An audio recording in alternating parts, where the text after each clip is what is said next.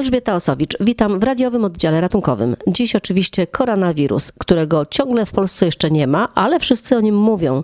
W minionym tygodniu we Wrocławiu ruszyło laboratorium, w którym badane są próbki od osób, które mają objawy choroby. Jak wykonuje się te badania? O tym rozmawiałam z dyrektorem Wojewódzkiej Stacji Sanitarno-Epidemiologicznej Jackiem Klekoczarem. Bierze się taką wymazówkę, mazie, mazie się po śluzówce jamy ustnej lub nosa, w zależności co byśmy tam sobie chcieli. No i potem do tej próbówki się go z powrotem wkłada, pakuje się i na składową 1 przez 3 całą dobę tego wirusa można, w cudzysłowie wirusa, tą próbkę można zawieść. I co dalej dzieje się z tą próbką? Najpierw trzeba odseparować ten, ten genom tego, tego wirusa, no a potem go już e, porównać z markerem, z próbką, która została dostarczona w celu, no właśnie, identyfikacji tego wirusa. Całość badania, które jest powtarzane w momencie, kiedy taka konieczność zachodzi, no to jest kilkanaście godzin. No właśnie, tutaj co do tych godzin pojawiły się różne informacje, że na przykład we Włoszech można to badanie zrobić w kilka godzin, a u nas w trzy dni. Z czego wynikają te różnice i czy rzeczywiście to jest możliwe, że można w trzy godziny mieć wynik? No, trudno mi odpowiedzieć, co jest we Włoszech. Czy to jest możliwe, żeby mieć wynik po trzech godzinach? Najkrótszy okres, tak jak to sobie wyliczaliśmy przy jednym badaniu, to jest 6-7 godzin, no bo to też musi trochę, no pewne procedury tego, tego wymagają. Jakby były jakiś e, specjalny ciąg technologiczny ustawiony pod te, te, te wirusy i tam pewnie byśmy robili jednocześnie kilkadziesiąt próbek, no pewnie można by ten okres skrócić. Ale wydaje mi się, że to, co sobie postawiliśmy za pewne zadanie, że my od momentu dostarczenia tej próbki do momentu wydania wiarygodnego wyniku to jest 24 godziny, to naprawdę jest to wystarczający, bezpieczny dla wszystkich okres. No, to nie jest też taki wirus, czy takie badanie, od którego zależy no, procedura terapeutyczna. Czy ludzkie życie. Czyli ludzkie życie. To na ten moment to jest do celów epidemicznych, no bo jeżeli jest ciężko chory pacjent, to jest leczony, no obojętnie z jakiego powodu on tam trafił, w tym sensie powód to jest ten wirus. Do tej pory rzeczywiście w Polsce były tylko te dwa laboratoria w Warszawie i ten czas wydłużony był poprzez e, ten transport. No, tak? na, na, pewno transport też wydłuża ten, ten czas, prawda? Także no, w dniu dzisiejszym też no, zostałem poproszony, żeby robić również dla województwa opolskiego polskiego, no bo na ten moment na szczęście tych próbek tak strasznie dużo nie napływa. Ile trafiło od piątku do Was? Wykonaliśmy już w pełnym cyklu dla pięciu osób. To jest informacja tak na godzinę ósmą, no bo te liczby się ciągle zmieniają. Te pięć, jakie były wyniki? Wynik ujemne. Oczywiście, gdyby był dodatni, to takiego wyniku nikt by e, przez godzinę nie był w stanie utrzymać w jakiejś tajemnicy, ale ja naprawdę nie, nie, niekoniecznie tak strasznie chciałbym powiedzieć, że mamy pierwszego koronawirusa Coxida 19 na Dolnym Śląsku. Mówi się o tym, że w Polsce nie ma dotąd potwierdzonego przypadku koronawirusa.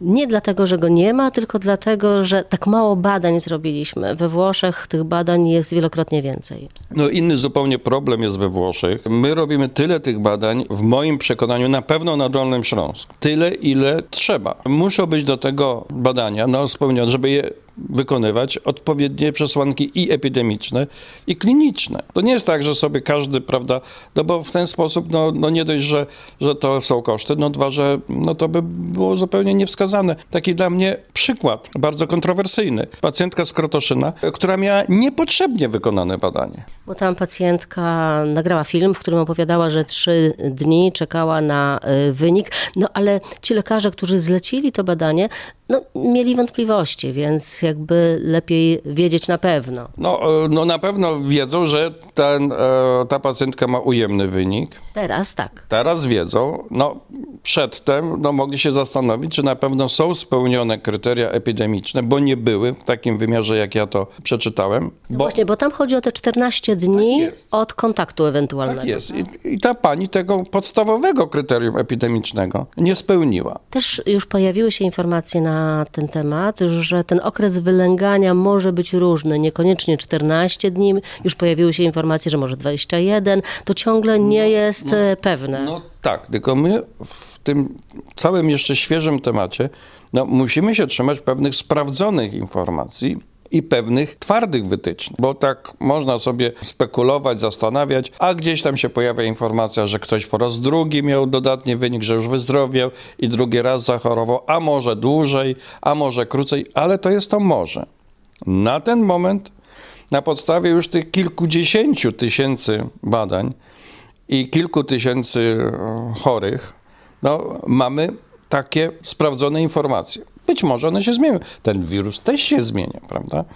Natomiast no, no, trzeba się trzymać pewnych takich reżimów i tego się trzymajmy, bo jeśli tego się nie będziemy trzymali, no to ten chaos, ta, ta panika, no, te ludzkie niepotrzebne e, emocje no, no będą nam narastały. Panie doktorze, ale jeszcze nie odpowiedział pan na to pytanie, czy to, że nie mamy koronawirusa w Polsce, nie wynika z tego, że po prostu mało tych próbek przebadaliśmy.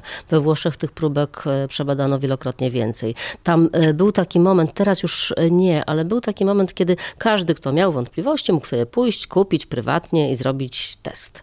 I podobno w trzy godziny miał wynik. W diagnostyce pojawiają się tak zwane szybkie testy ale te szybkie testy z reguły nie są tak czułe i swoiste, jak to badanie, które wymaga no, odpowiedniego sprzętu. To jest za poważna sprawa, żeby tak traktować to no właśnie tymi szybkimi testami. Być może za miesiąc czy za dwa, kiedy nauczymy się z tym wirusem żyć, to będą szybkie testy wprowadzone. Natomiast no, na ten moment tych badań robimy tyle, ile wymaga tego no, klinika, wymaga tego racjonalna medycyna. Może być też tak, że na przykład bezobjawowo ktoś Ależ przychodzi. Oczywiście. I ta teza da się obronić, czyli że go nie mamy, bośmy go nie wybadali. I ta teza, że nie ma, bo do nas nie przywędrował, bo mamy trochę szczęścia, być może nie mamy takich połączeń z Chinami jak Włosi, no i dlatego ten koronawirus do nas nie dotarł. Trudno wszystkich podróżujących z Włoch, no w tej chwili tych państw, gdzie jest więcej, prawda, którzy nie mają żadnych objawów, no nagle na granicy y, zatrzymać, prawda, i badać y, w kierunku tego wirusa, tym bardziej, że na okres wylęgania do 14 dni, prawda? Także to, to jest niemożliwe. No te działania muszą być racjonalne, no żebyśmy mogli normalnie funkcjonować. Tym bardziej, że znowuż powtarzam, ani to ebola, ani to ebola połączona z wirusem ospy wiecznej. Prezes Naczelnej Rady Lekarskiej zaapelował do premiera o odwoływanie imprez masowych. Pana zdaniem jest taka konieczność? Przeglądałem imprezy masowe, które na Dolnym Śląsku są w najbliższych dniach organizowane, no i nie znalazłem tam na ten moment racjonalnych przesłanek, żeby sugerować odwoływanie jakichś imprez e, masowych. Wszystkie te, które są, dotyczą w zasadzie tutaj naszego regionu, naszego kraju. Nie ma tam z tych terenów zagrożonych e, no, jakichś ekip, które by się pojawiały. No ale znowuż, no, czy należy zamknąć kina? No właśnie, iść do kina, czy może obejrzeć film w domu? No jak jest dobry film, to bym poszedł do kina. Jednak inaczej się ogląda film w kinie, inaczej w domu. No, do dużego kina wchodzi kilkaset osób. Czy odwołać koncert w Narodowym Forum Muzyki? Odwoływać? No, no niby dlaczego? Dlaczego mamy paraliżować swoje funkcjonowanie? Jeśli będą jakiekolwiek przesłanki, to na pewno będę starał się o tym informować. Na pewno wszystkie służby z panem wojewodą, z panem marszałkiem no, będą zainteresowane tym, żeby nie tworzyć kolejnego niebezpieczeństwa. Wobec tego, jak rozsądnie się teraz, w tej chwili zachowywać? Ten rozsądek polega na tym, jak jesteś chory, to siedź w domu. Jak kichasz, to w rękaw. Jak jesteś bardzo chory i widzisz, że sobie z tym organicznie radzi, na pewno należy skorzystać z lekarza. Ale... A jeśli kicham, mam kaszel i byłam we Włoszech. Kryteria epidemiczne, czyli byłem i to nie tylko byłem, ale miałem jakiś uzasadnione przeczucie, że kontaktowałam się, bo był chory, prawda? Potem to się potwierdziło w tych Włoszech czy w innym kraju, czyli taki kontakt no, prawdziwy a nie, że jestem we Włoszech, prawda, i 100 kilometrów dalej jest gmina, w której był koronawirus i ja już zakładam, że tego wirusa tutaj zawlekłem do Polski. Wtedy jesteś zdrowy, obserwuje się w momencie, kiedy są te objawy, gorączka, kaszel, złe samopoczucie, kontaktuje się z infolinią, czy przez infolinię z człowiekiem, bo to już jest i sanepidy, i Narodowy Fundusz Zdrowia, gdzie są odpowiednie osoby, prawda? I wtedy kieruje się tak, jak mi mówią. Albo na oddział zakaźny. Nie na SOR. Nie na SOR, no bo w ten sposób to byśmy roznosili, byśmy jeszcze dodatkowo problemy robili tym, którzy tych SORach e, czekają, no bo e, to nie jest tak, że jest koronawirus i inne choroby nam, prawda, wycofały się. Te objawy są często bardzo podobne do grypy. I teraz mieliśmy wczoraj taki przypadek na lotnisku, że służby lotniskowe zareagowały w ten sposób, że wezwały specjalistyczne karetki, zdecydowały o przewiezieniu tych osób y, na, do szpitala zakaźnego, no ale tam właściwie z miejsca te osoby zostały wypuszczone. I tu są specjaliści, i tu są specjaliści. E, Specjaliści z lotniska no, opierają się na pewnych algorytmach, bo to nie są osoby, które w sposób szczególny są przygotowane z- chorób zakaźnych.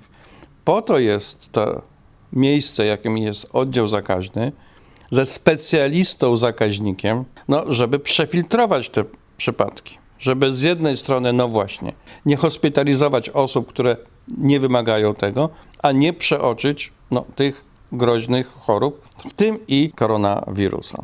Panie doktorze, bardzo dziękuję za rozmowę. Właściwie normalnie to bym się pożegnała e, ściskając panu rękę, a teraz to nie wiem. No, rękę można ściskać, bo i ja jestem w pełni zdrowia i w czasie tej rozmowy oceniłem, że pani redaktor również jest zdrowa, także uściśimy sobie rękę. Dziękuję najmocniej. W radiowym oddziale ratunkowym dziś to już wszystko. Elżbieta Osowicz, do usłyszenia za tydzień.